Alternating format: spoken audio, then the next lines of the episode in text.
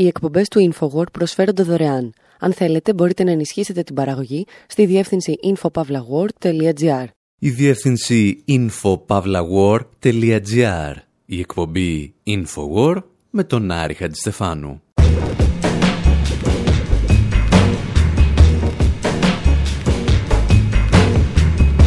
Όπου σήμερα πιάνουμε μια ιστορία που σας είχαμε διηγηθεί ακροθυγώς πριν από πολλά χρόνια και τις προσθέτουμε πολλές ακόμη μουσικές περιπέτειες. Συζητάμε για έναν υπόγειο σιδηρόδρομο, ο οποίος δεν ήταν ούτε υπόγειος, ούτε καν σιδηρόδρομος. Ήταν το δίκτυο που χρησιμοποιούσαν οι σκλάβοι των νότιων πολιτιών στην Αμερική για να διαφύγουν από τα αφεντικά τους. Αναρωτιόμαστε τι σχέση μπορεί να έχουν οι 10 εντολές του Μωυσή με το LSD και αν κάποιος έσπασε μία από τις πρώτες ταμπλέτες της ιστορίας καταδικάζοντας την ανθρωπότητα στην κατάσταση που την γνωρίσατε κι εσείς. Αφήνουμε τον Τζον Κολτρέιν να συναντά τα gospel και ακούμε ανεπαίσθητα ένα παλιό ρυθμό των μαύρων στα τραγούδια της PJ Harvey. Αναρωτιόμαστε μαζί με δεκάδες ερευνητές εάν ορισμένα τραγούδια περιέχουν κρυφά μηνύματα και συνεπώς αποτελούσαν μια μυστική γλώσσα με την οποία οι από κάτω κορόιδευαν τους από πάνω. Και όλα αυτά ξεκινούν με ένα τραγούδι με το οποίο έκλεινε εκείνη η εκπομπή. Ο Τζο Στράμερ τραγουδά μετά θάνατον για τη ζωή πριν από το θάνατο.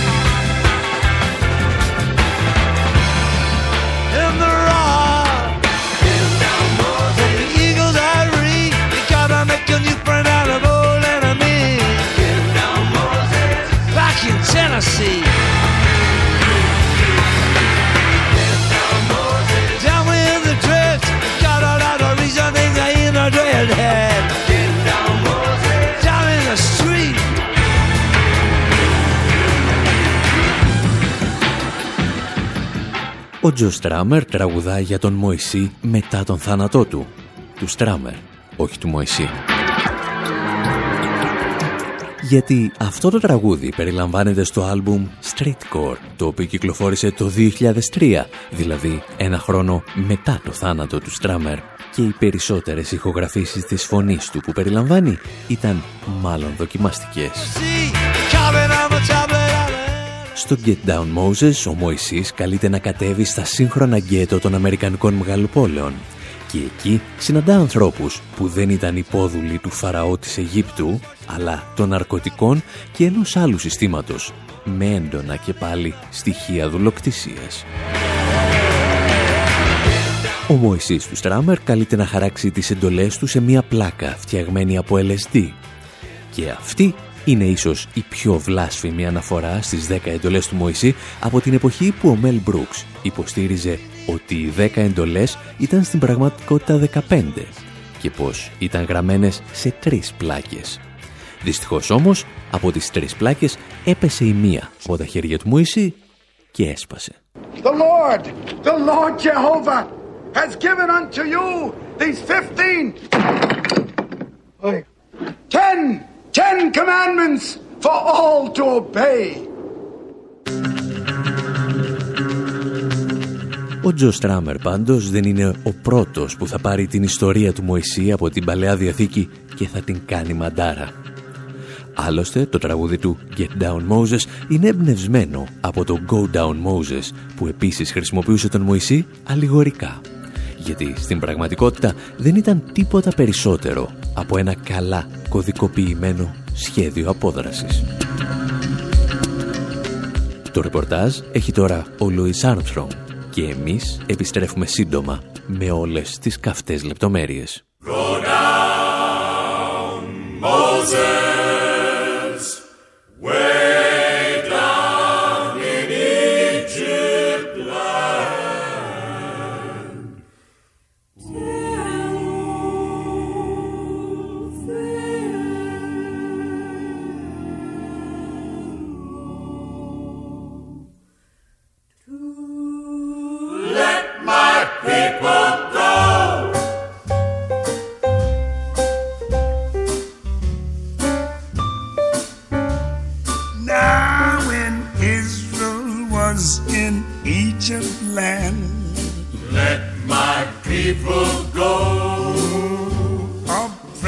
so hard they could not stand.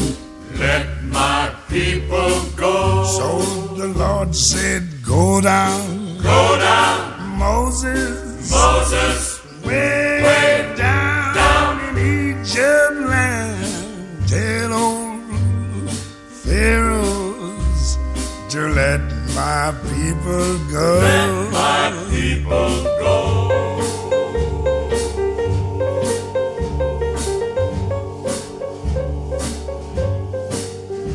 So Moses went to Egypt land. Let my people go. He made old Pharaoh understand. Let my people go. Yes, the Lord said, Go down. Go down. Moses. Moses. Way, way down, down in Egypt land.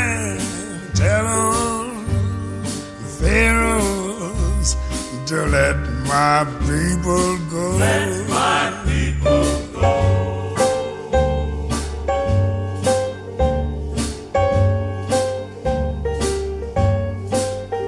Thus spoke the Lord, bold Moses said, Let my people go. Mm, if not, I'll smite your firstborn dead.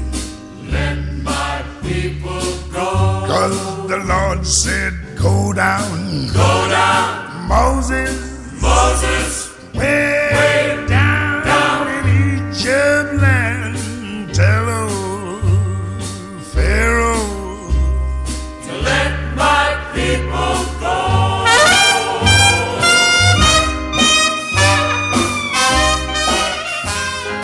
Ο Λούις Άρμστρονγκ διασκευάζει το Go Down Moses, ένα παλιό θρησκευτικό τραγούδι των μαύρων σκλάβων της Αμερικής που θεωρητικά περιγράφει την εντολή που έδωσε ο Μωυσής στον Φαραώ να αφήσει το λαό του Ισραήλ ελεύθερο.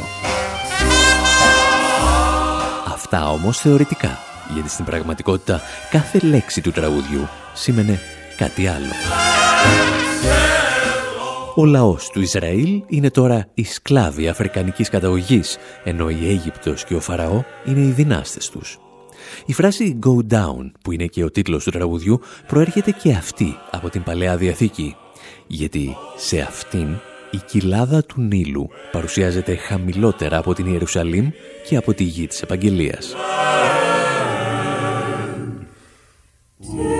Για τους σκλάβους στις Ηνωμένες Πολιτείες όμως, το κάτω σήμαινε πάντα χαμηλά στο ποτάμι, δηλαδή στον Μισισιπί, εκεί όπου οι συνθήκες για τους σκλάβους ήταν πολύ χειρότερες. Από εκεί μάλιστα οι Αγγλοσάξονες κονόμησαν και την έκφραση «to sell someone down the river», που σημαίνει να προδίδεις κάποιον, γιατί οι παλιοί δουλοκτήτες πουλούσαν τους ατίθασους σκλάβους σε πιο νότιες περιοχές του Μισισιπί.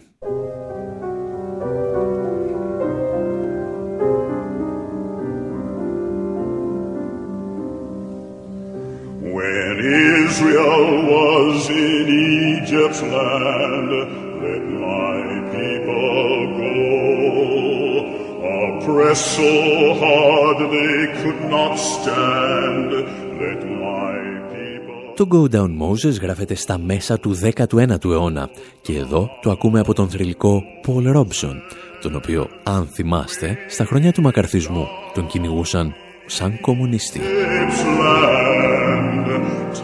Αυτό που μας αφορά σήμερα όμως είναι ότι το Go Down Moses θεωρείται ένα από τα σημαντικότερα τραγούδια του λεγόμενου Underground Railroad, του υπόγειου σιδηρόδρομου, ο οποίος όπως προείπαμε δεν ήταν υπόγειος και κυρίως δεν ήταν σιδηρόδρομος. Το Underground Railroad ήταν απλώς ένα σύνθετο δίκτυο από διαδρομές και κρυψώνες για τη φυγάδευση μαύρων σκλάβων. Το δίκτυο στήθηκε από ελεύθερους μαύρους αλλά και λευκούς, οι οποίοι έσωζαν δεκάδες χιλιάδες ζωές στέλνοντας τους σκλάβους στον Καναδά ή στο Μεξικό. Σύμφωνα με αρκετούς ερευνητές, τα περισσότερα από τα τραγούδια του Underground Railroad περιείχαν κρυφά μηνύματα και οδηγίες για την απόδραση των σκλάβων από τις φοιτίες. Το πρόβλημα με αυτές τις θεωρίες είναι ότι μόλις τις ακούσουν κάποιοι, αρχίζουν να βρίσκουν κρυφά μηνύματα ακόμη και εκεί που δεν υπάρχουν.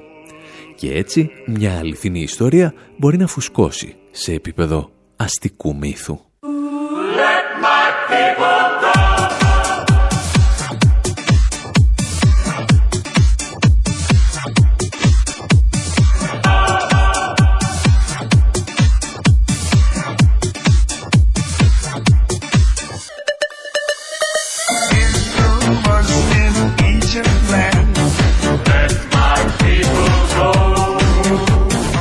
Συγκεκριμένη περίπτωση βέβαια υπάρχουν ισχυρές ενδείξεις ότι το τραγούδι λειτουργήσε πράγματι σαν σύνθημα απόδρασης. Λέγεται μάλιστα ότι το χρησιμοποιούσε και η θρηλυκή Χάριετ Τάμπμαν, η μαύρη αγωνίστρια του 19ου αιώνα, η οποία αφού απέδρασε και η ίδια, έπαιξε ηγετικό ρόλο στο Underground Railroad.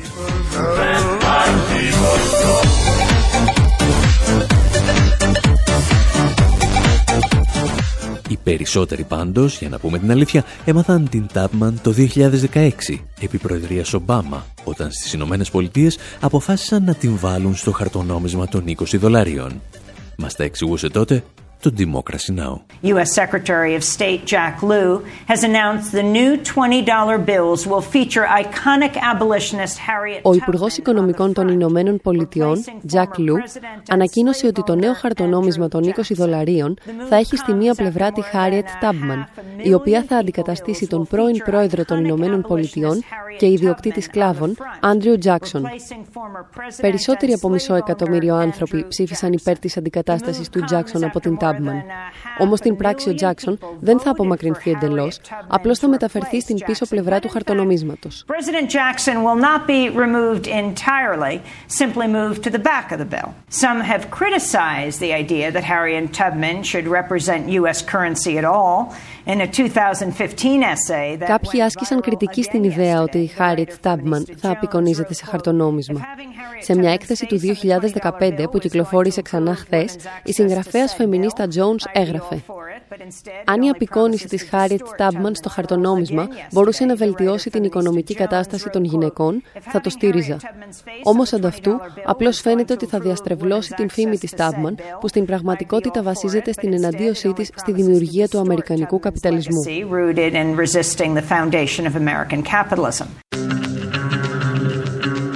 Και ενώ νομίζεις ότι είναι πράγματι ελαφρώς προβληματικό να έχεις και τον σκλάβο και τον ιδιοκτήτη του στο ίδιο νόμισμα, οι Ηνωμένε Πολιτείες αποδεικνύουν πάντα ότι στον σύγχρονο καπιταλισμό μπορείς να πέσεις ακόμη και πιο χαμηλά και ο πρόεδρος Τραμπ αποφάσισε πρόσφατα να μπλοκάρει την κυκλοφορία ακόμη και αυτών των νέων χαρτονομισμάτων. I would love to leave Andrew Jackson and see if we can maybe come up with another denomination. Maybe we do the $2 bill or we do another bill. Let my people go. Ο Τραμπ χειρίστηκε το θέμα όπως έκανε και με τις συνθήκες ελεύθερου εμπορίου και το ΝΑΤΟ πάνω που λες ότι είναι κατάπτυστα και πρέπει να καταργηθούν, αυτός σκέφτεται να τα καταργήσει πρώτος για να τα αντικαταστήσει με κάτι ακόμη χειρότερο. Εμείς πάλι έχουμε ακόμη πολλή δουλειά με τα τραγούδια του υπόγειου σιδηρόδρομου και δίνουμε απευθείας μικρόφωνο στον Τόψι Τσάπμαν, ο οποίος δεν είναι τραγουδιστής, αλλά είναι ηθοποιός. Where John baptized three. When I walked the devil in hell, says Johnny baptized me. I say, roll, Jordan, roll. Oh, now roll, Jordan, roll. My soul arise in heaven, Lord, for the year, Jordan, roll. Well, some say John was a Baptist. Some say, some say John was a Jew. I believe. But I say John was a preacher cause my Bible says so too. I say, roll, Jordan, roll. Roll, Jordan, roll. My soul arise in heaven, Lord, for the year when Jordan roll. Hallelujah, roll, Jordan, roll. Roll, Jordan, roll. My soul arise in heaven, Lord, for the year when Jordan roll. Hallelujah. Roll, Jordan, roll. Roll, Jordan, roll. My soul arise in heaven, Lord, for the year when Jordan roll. Η συγκεκριμένη εκτέλεση του Roll Jordan Roll μας έρχεται από την ταινία 12 χρόνια σκλάβος την οποία, όπως έχουμε εξηγήσει και παλαιότερα, θεωρούμε παράδειγμα προς αποφυγή για το τι θα πρέπει να κάνουν οι σκλάβοι. Γιατί η ταινία, αν θυμάστε, ούτε λίγο ούτε πολύ προτείνει να κάθονται στα αυγά τους μέχρι να τους φέξει. Σε αντίθεση με το μήνυμα της ταινίας πάντως, οι σκλάβοι της Αμερικής του 18ου και του 19ου αιώνα πραγματοποίησαν 250 μεγάλες εξεγέρσεις, οι οποίες παρεπιπτόντως δεν είχαν καταγραφεί καν στην επίσημη ιστοριογραφία των Ηνωμένων Πολιτειών μέχρι και το 1940. Ίσως η μεγαλύτερη από αυτές τις εξεγέρσεις σημειώθηκε το 1811 κοντά στη Νέα Ορλεάνη με τη συμμετοχή 500 σκλάβων οι τοπικοί γεωκτήμονες τα βρήκαν ελαφρώς δύσκολα και δημιούργησαν εθελοντική πολιτοφυλακή για να αντιμετωπίσουν την κατάσταση. Τελικά μάλιστα χρειάστηκε ακόμη και η συμμετοχή του Αμερικανικού στρατού. Για να μην χάνουμε όμως τα χνάρια της μουσικής ιστορίας μας, το βασικό θέμα του Roll Jordan Roll γράφεται αρχικά στην Ευρώπη, στα μέσα του 19ου αιώνα, από τον μεθοδιστή κληρικό Charles Wesley και ύστερα θα περάσει στις Ηνωμένες Πολιτείες. Και από εκεί ορισμένοι πιστεύουν ότι έχουμε το πρώτο άκουσμα της μουσικής που θα γνωρίσουμε αργότερα ως τα blues.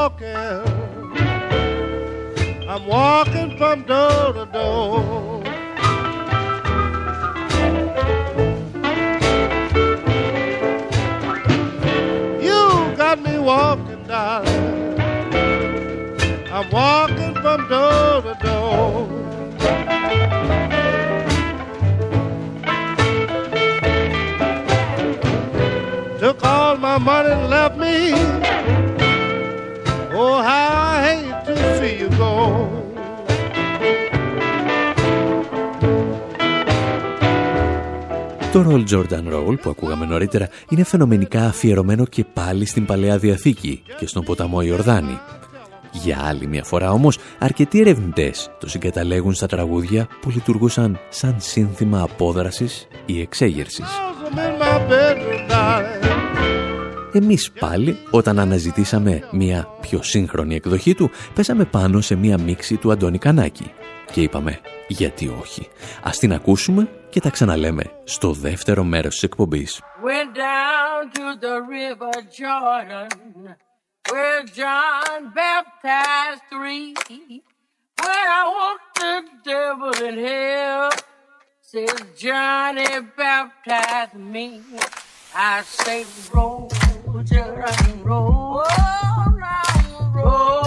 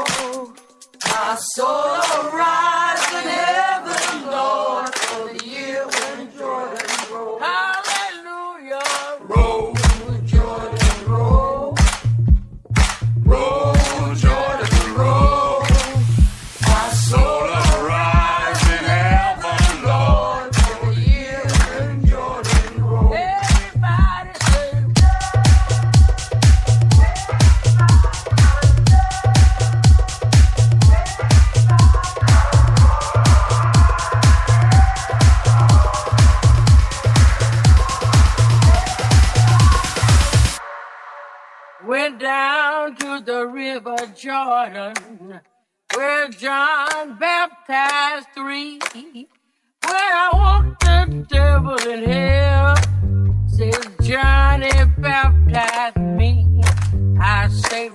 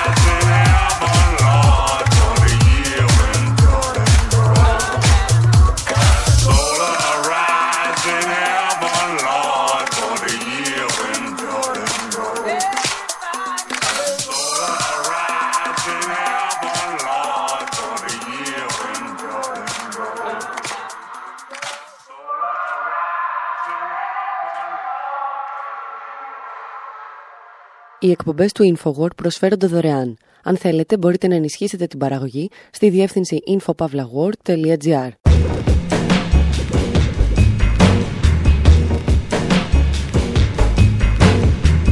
Εκπομπή InfoWord, μέρος δεύτερο όπου συνεχίζουμε να αναζητούμε κρυμμένα μηνύματα σε τραγούδια που χρησιμοποιούσαν οι σκλάβοι στις Ηνωμένες Πολιτείες για να οργανώνουν τις αποδράσεις τους.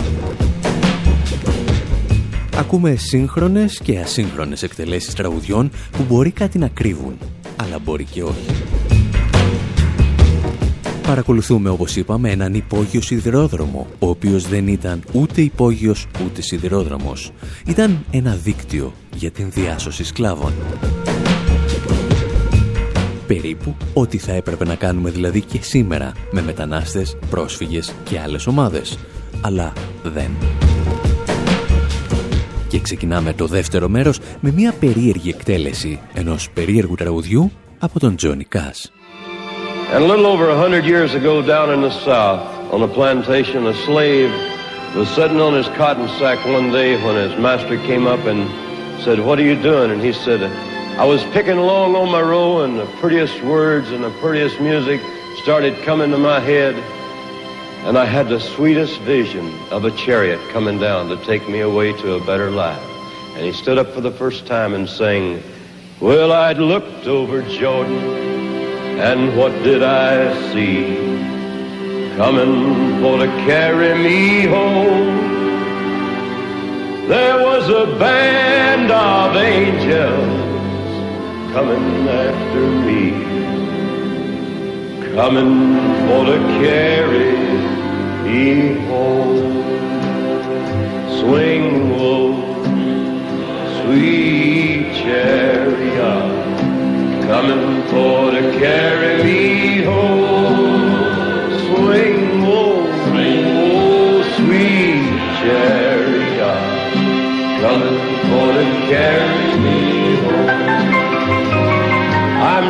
sometimes up and I'm sometimes down, coming for to carry me home.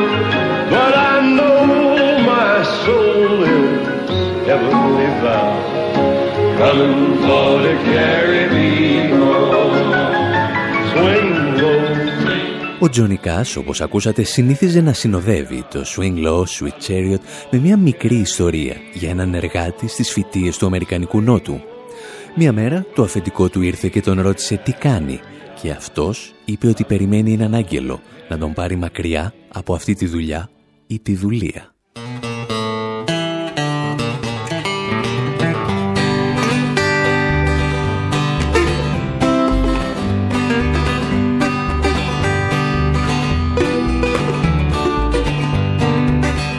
Και πριν βιαστείτε να πείτε ότι ο Κάς δεν είναι απόγονος σκλάβων, αλλά πιθανότερα να είναι απόγονος δουλοκτητών, να σας θυμίσουμε ότι το τραγούδι το έμαθε δουλεύοντας σε βαμβακοκαλλιέργειες από την ηλικία των 5 ετών.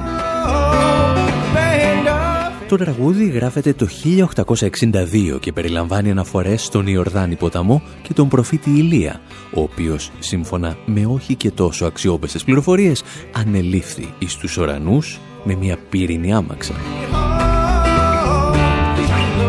Ο Τζονικά συνδέει λοιπόν το τραγούδι των μαύρων σκλάβων με την καλύτερη ζωή που υπόσχεται κάθε θρησκεία μετά θάνατον. Και φυσικά κάνει λάθος. Γιατί το συγκεκριμένο ήταν ένα ακόμη από τα τραγούδια των σκλάβων με κρυφά μηνύματα που χρησιμοποιούνταν για την οργάνωση των αποδράσεων. Και στη δική μας ιστορία η πυρήνη άμαξα του προφήτη Ηλία άκουγε στο όνομα Underground Railroad.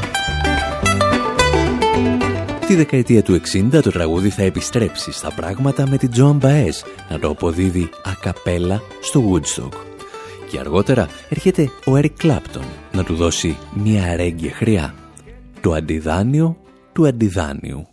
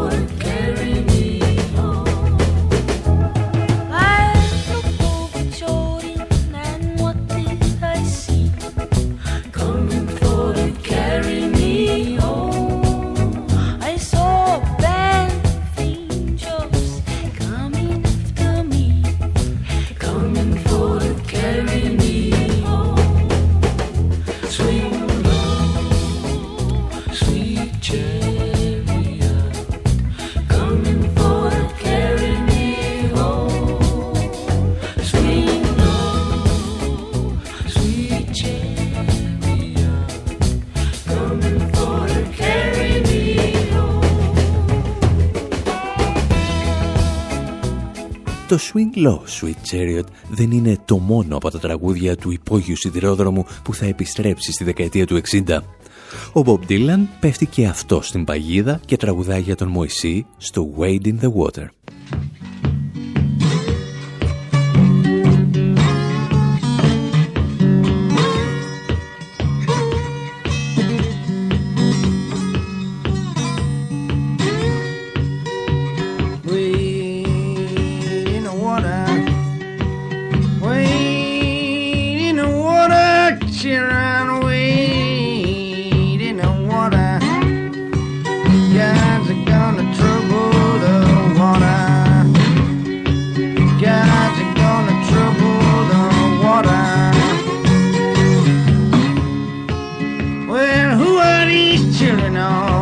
16 red. Girls got trouble uh, water. Must have been her children and Moses led. Girls got trouble uh, water. Rain.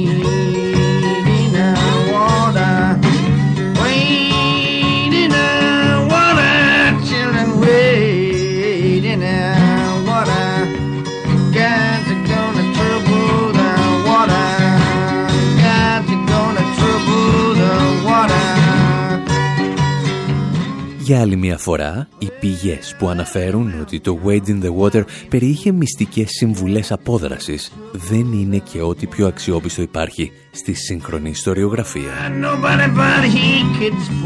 Αρκετοί ερευνητές πάντως αναφέρουν ότι και αυτό το τραγούδι χρησιμοποιούνταν από την Harriet Tubman για να στείλει μηνύματα.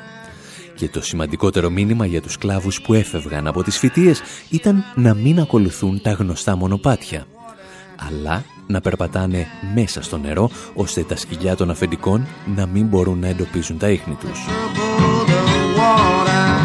Γιατί τότε τα αφεντικά είχαν αληθινά σκυλιά με τέσσερα και όχι με δύο πόδια.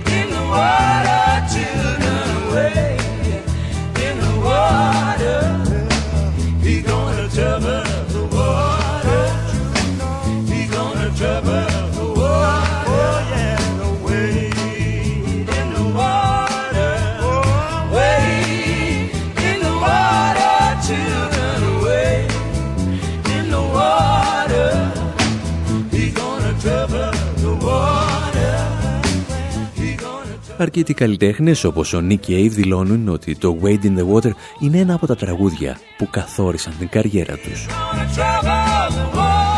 Κάποιοι μάλιστα σχεδόν το κρύβουν και πάλι μέσα στα δικά τους τραγούδια, με τον ίδιο τρόπο με τον οποίο οι μαύροι έκρυβαν σε αυτό τα μυστικά της απόδρασής τους. Εδώ το κάνει παραδείγματος χάρη η PJ Harvey.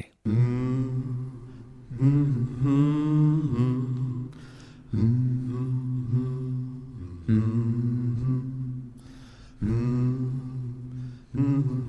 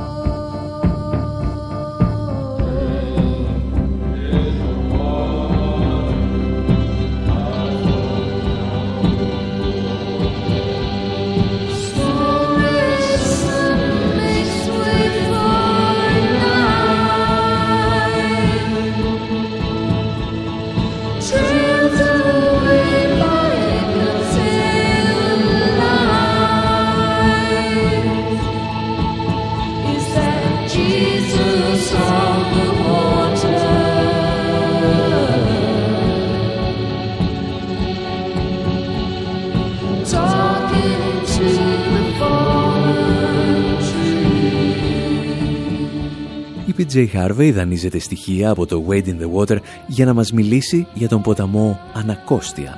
Ίσως το πιο μολυσμένο νερό που έχουν να παρουσιάσουν οι Ηνωμένες Πολιτείες της Αμερικής. Για να επιστρέψουμε όμως στις ιστορίες των σκλάβων που δραπέτευαν, εκτός από συμβουλές για το πώς θα περπατάνε μέσα στο νερό για να μην τους εντοπίζουν τα σκυλιά των αφεντικών, κάποιος έπρεπε να τους μάθει να κοιτάζουν και τα αστέρια.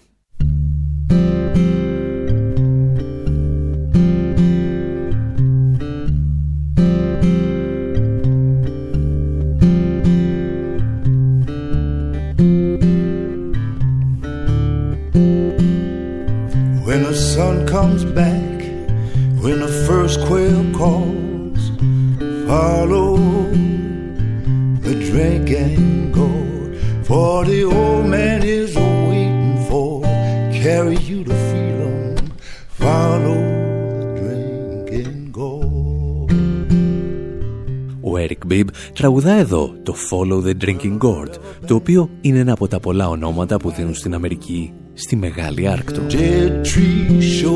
Για την ακρίβεια, γκόρτ είναι η νεροκολοκύθα, την οποία οι σκλάβοι χρησιμοποιούσαν για να φτιάχνουν σκεύη με χερούλι με τα οποία έπιναν νερό.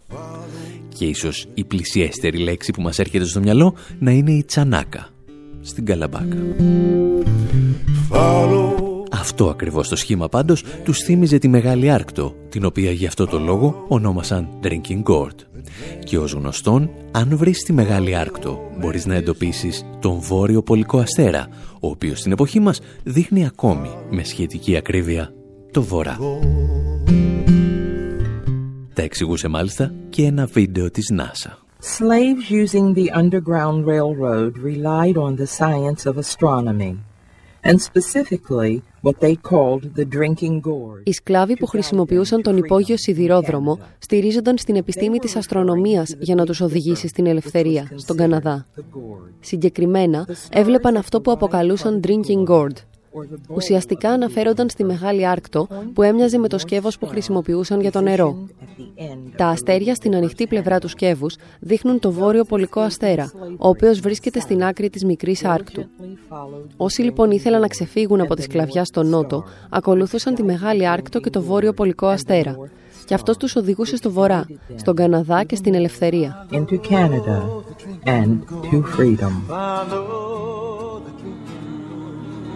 The song of the Underground Railroad. It told the slaves in their own language how to travel out of bondage. It told them when to go, what rivers to follow, what mountains to pass over, what turnings to make, who to ask for, and always to keep their eyes to the north where freedom was, under the sign of the drinking gourd. That was the Big Dipper. And so their song was called Follow the Drinking Gourd. Follow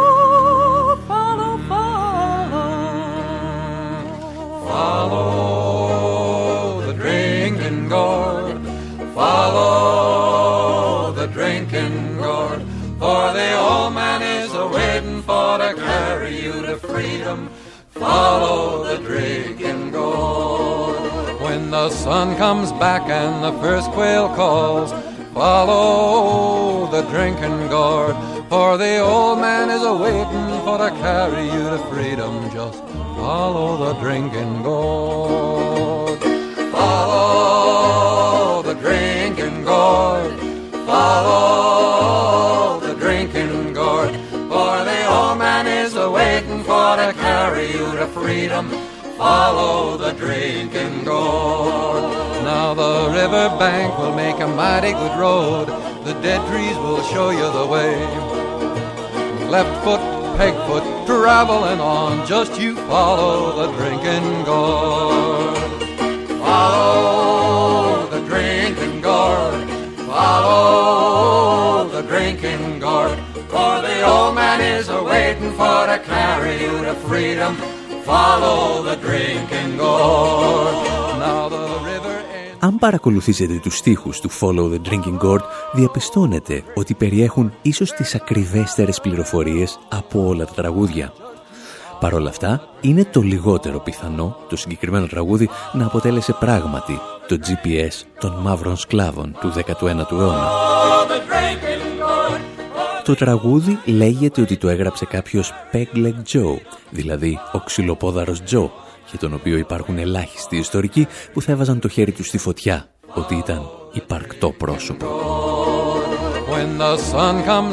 Το πιθανότερο είναι ότι όσο τραγουδούσαν οι σκλάβοι το Follow the Drinking Gourd, άλλο τόσο είχαν ακούσει και το jazz κομμάτι για τον υπόγειο σιδηρόδρομο, το οποίο έγραψε σχεδόν έναν αιώνα αργότερα ο John Coltrane. Και το οποίο πήγαινε κάπως έτσι.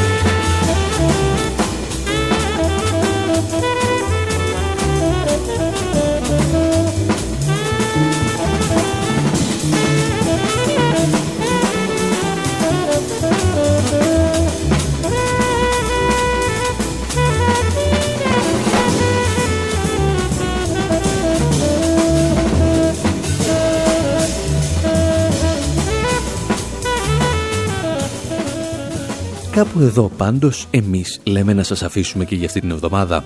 Να πούμε ένα μεγάλο ευχαριστώ στο ωραίο Ντεπό που μας φιλοξένησε στη Θεσσαλονίκη στο πάρτι οικονομικής ενίσχυσης για το νέο μας δημοσιογραφικό project Make the Economy Scream. Και αν χάσατε το πάρτι, δεν χάσατε αναγκαστικά τη δυνατότητα να ενισχύσετε αυτή την παραγωγή.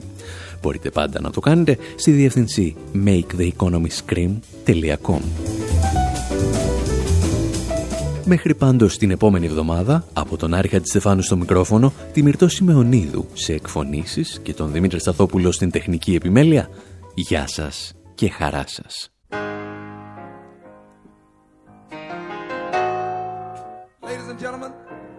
I'd like to sing a song right now, the kind of song that I used to sing a long time ago when I first realized that God had given me a talent to be a singer. I love to sing these kind of songs because whenever your burden get heavy, seem like loads get too heavy on your shoulder that you can bear. I heard somebody say you can always steal away to Jesus,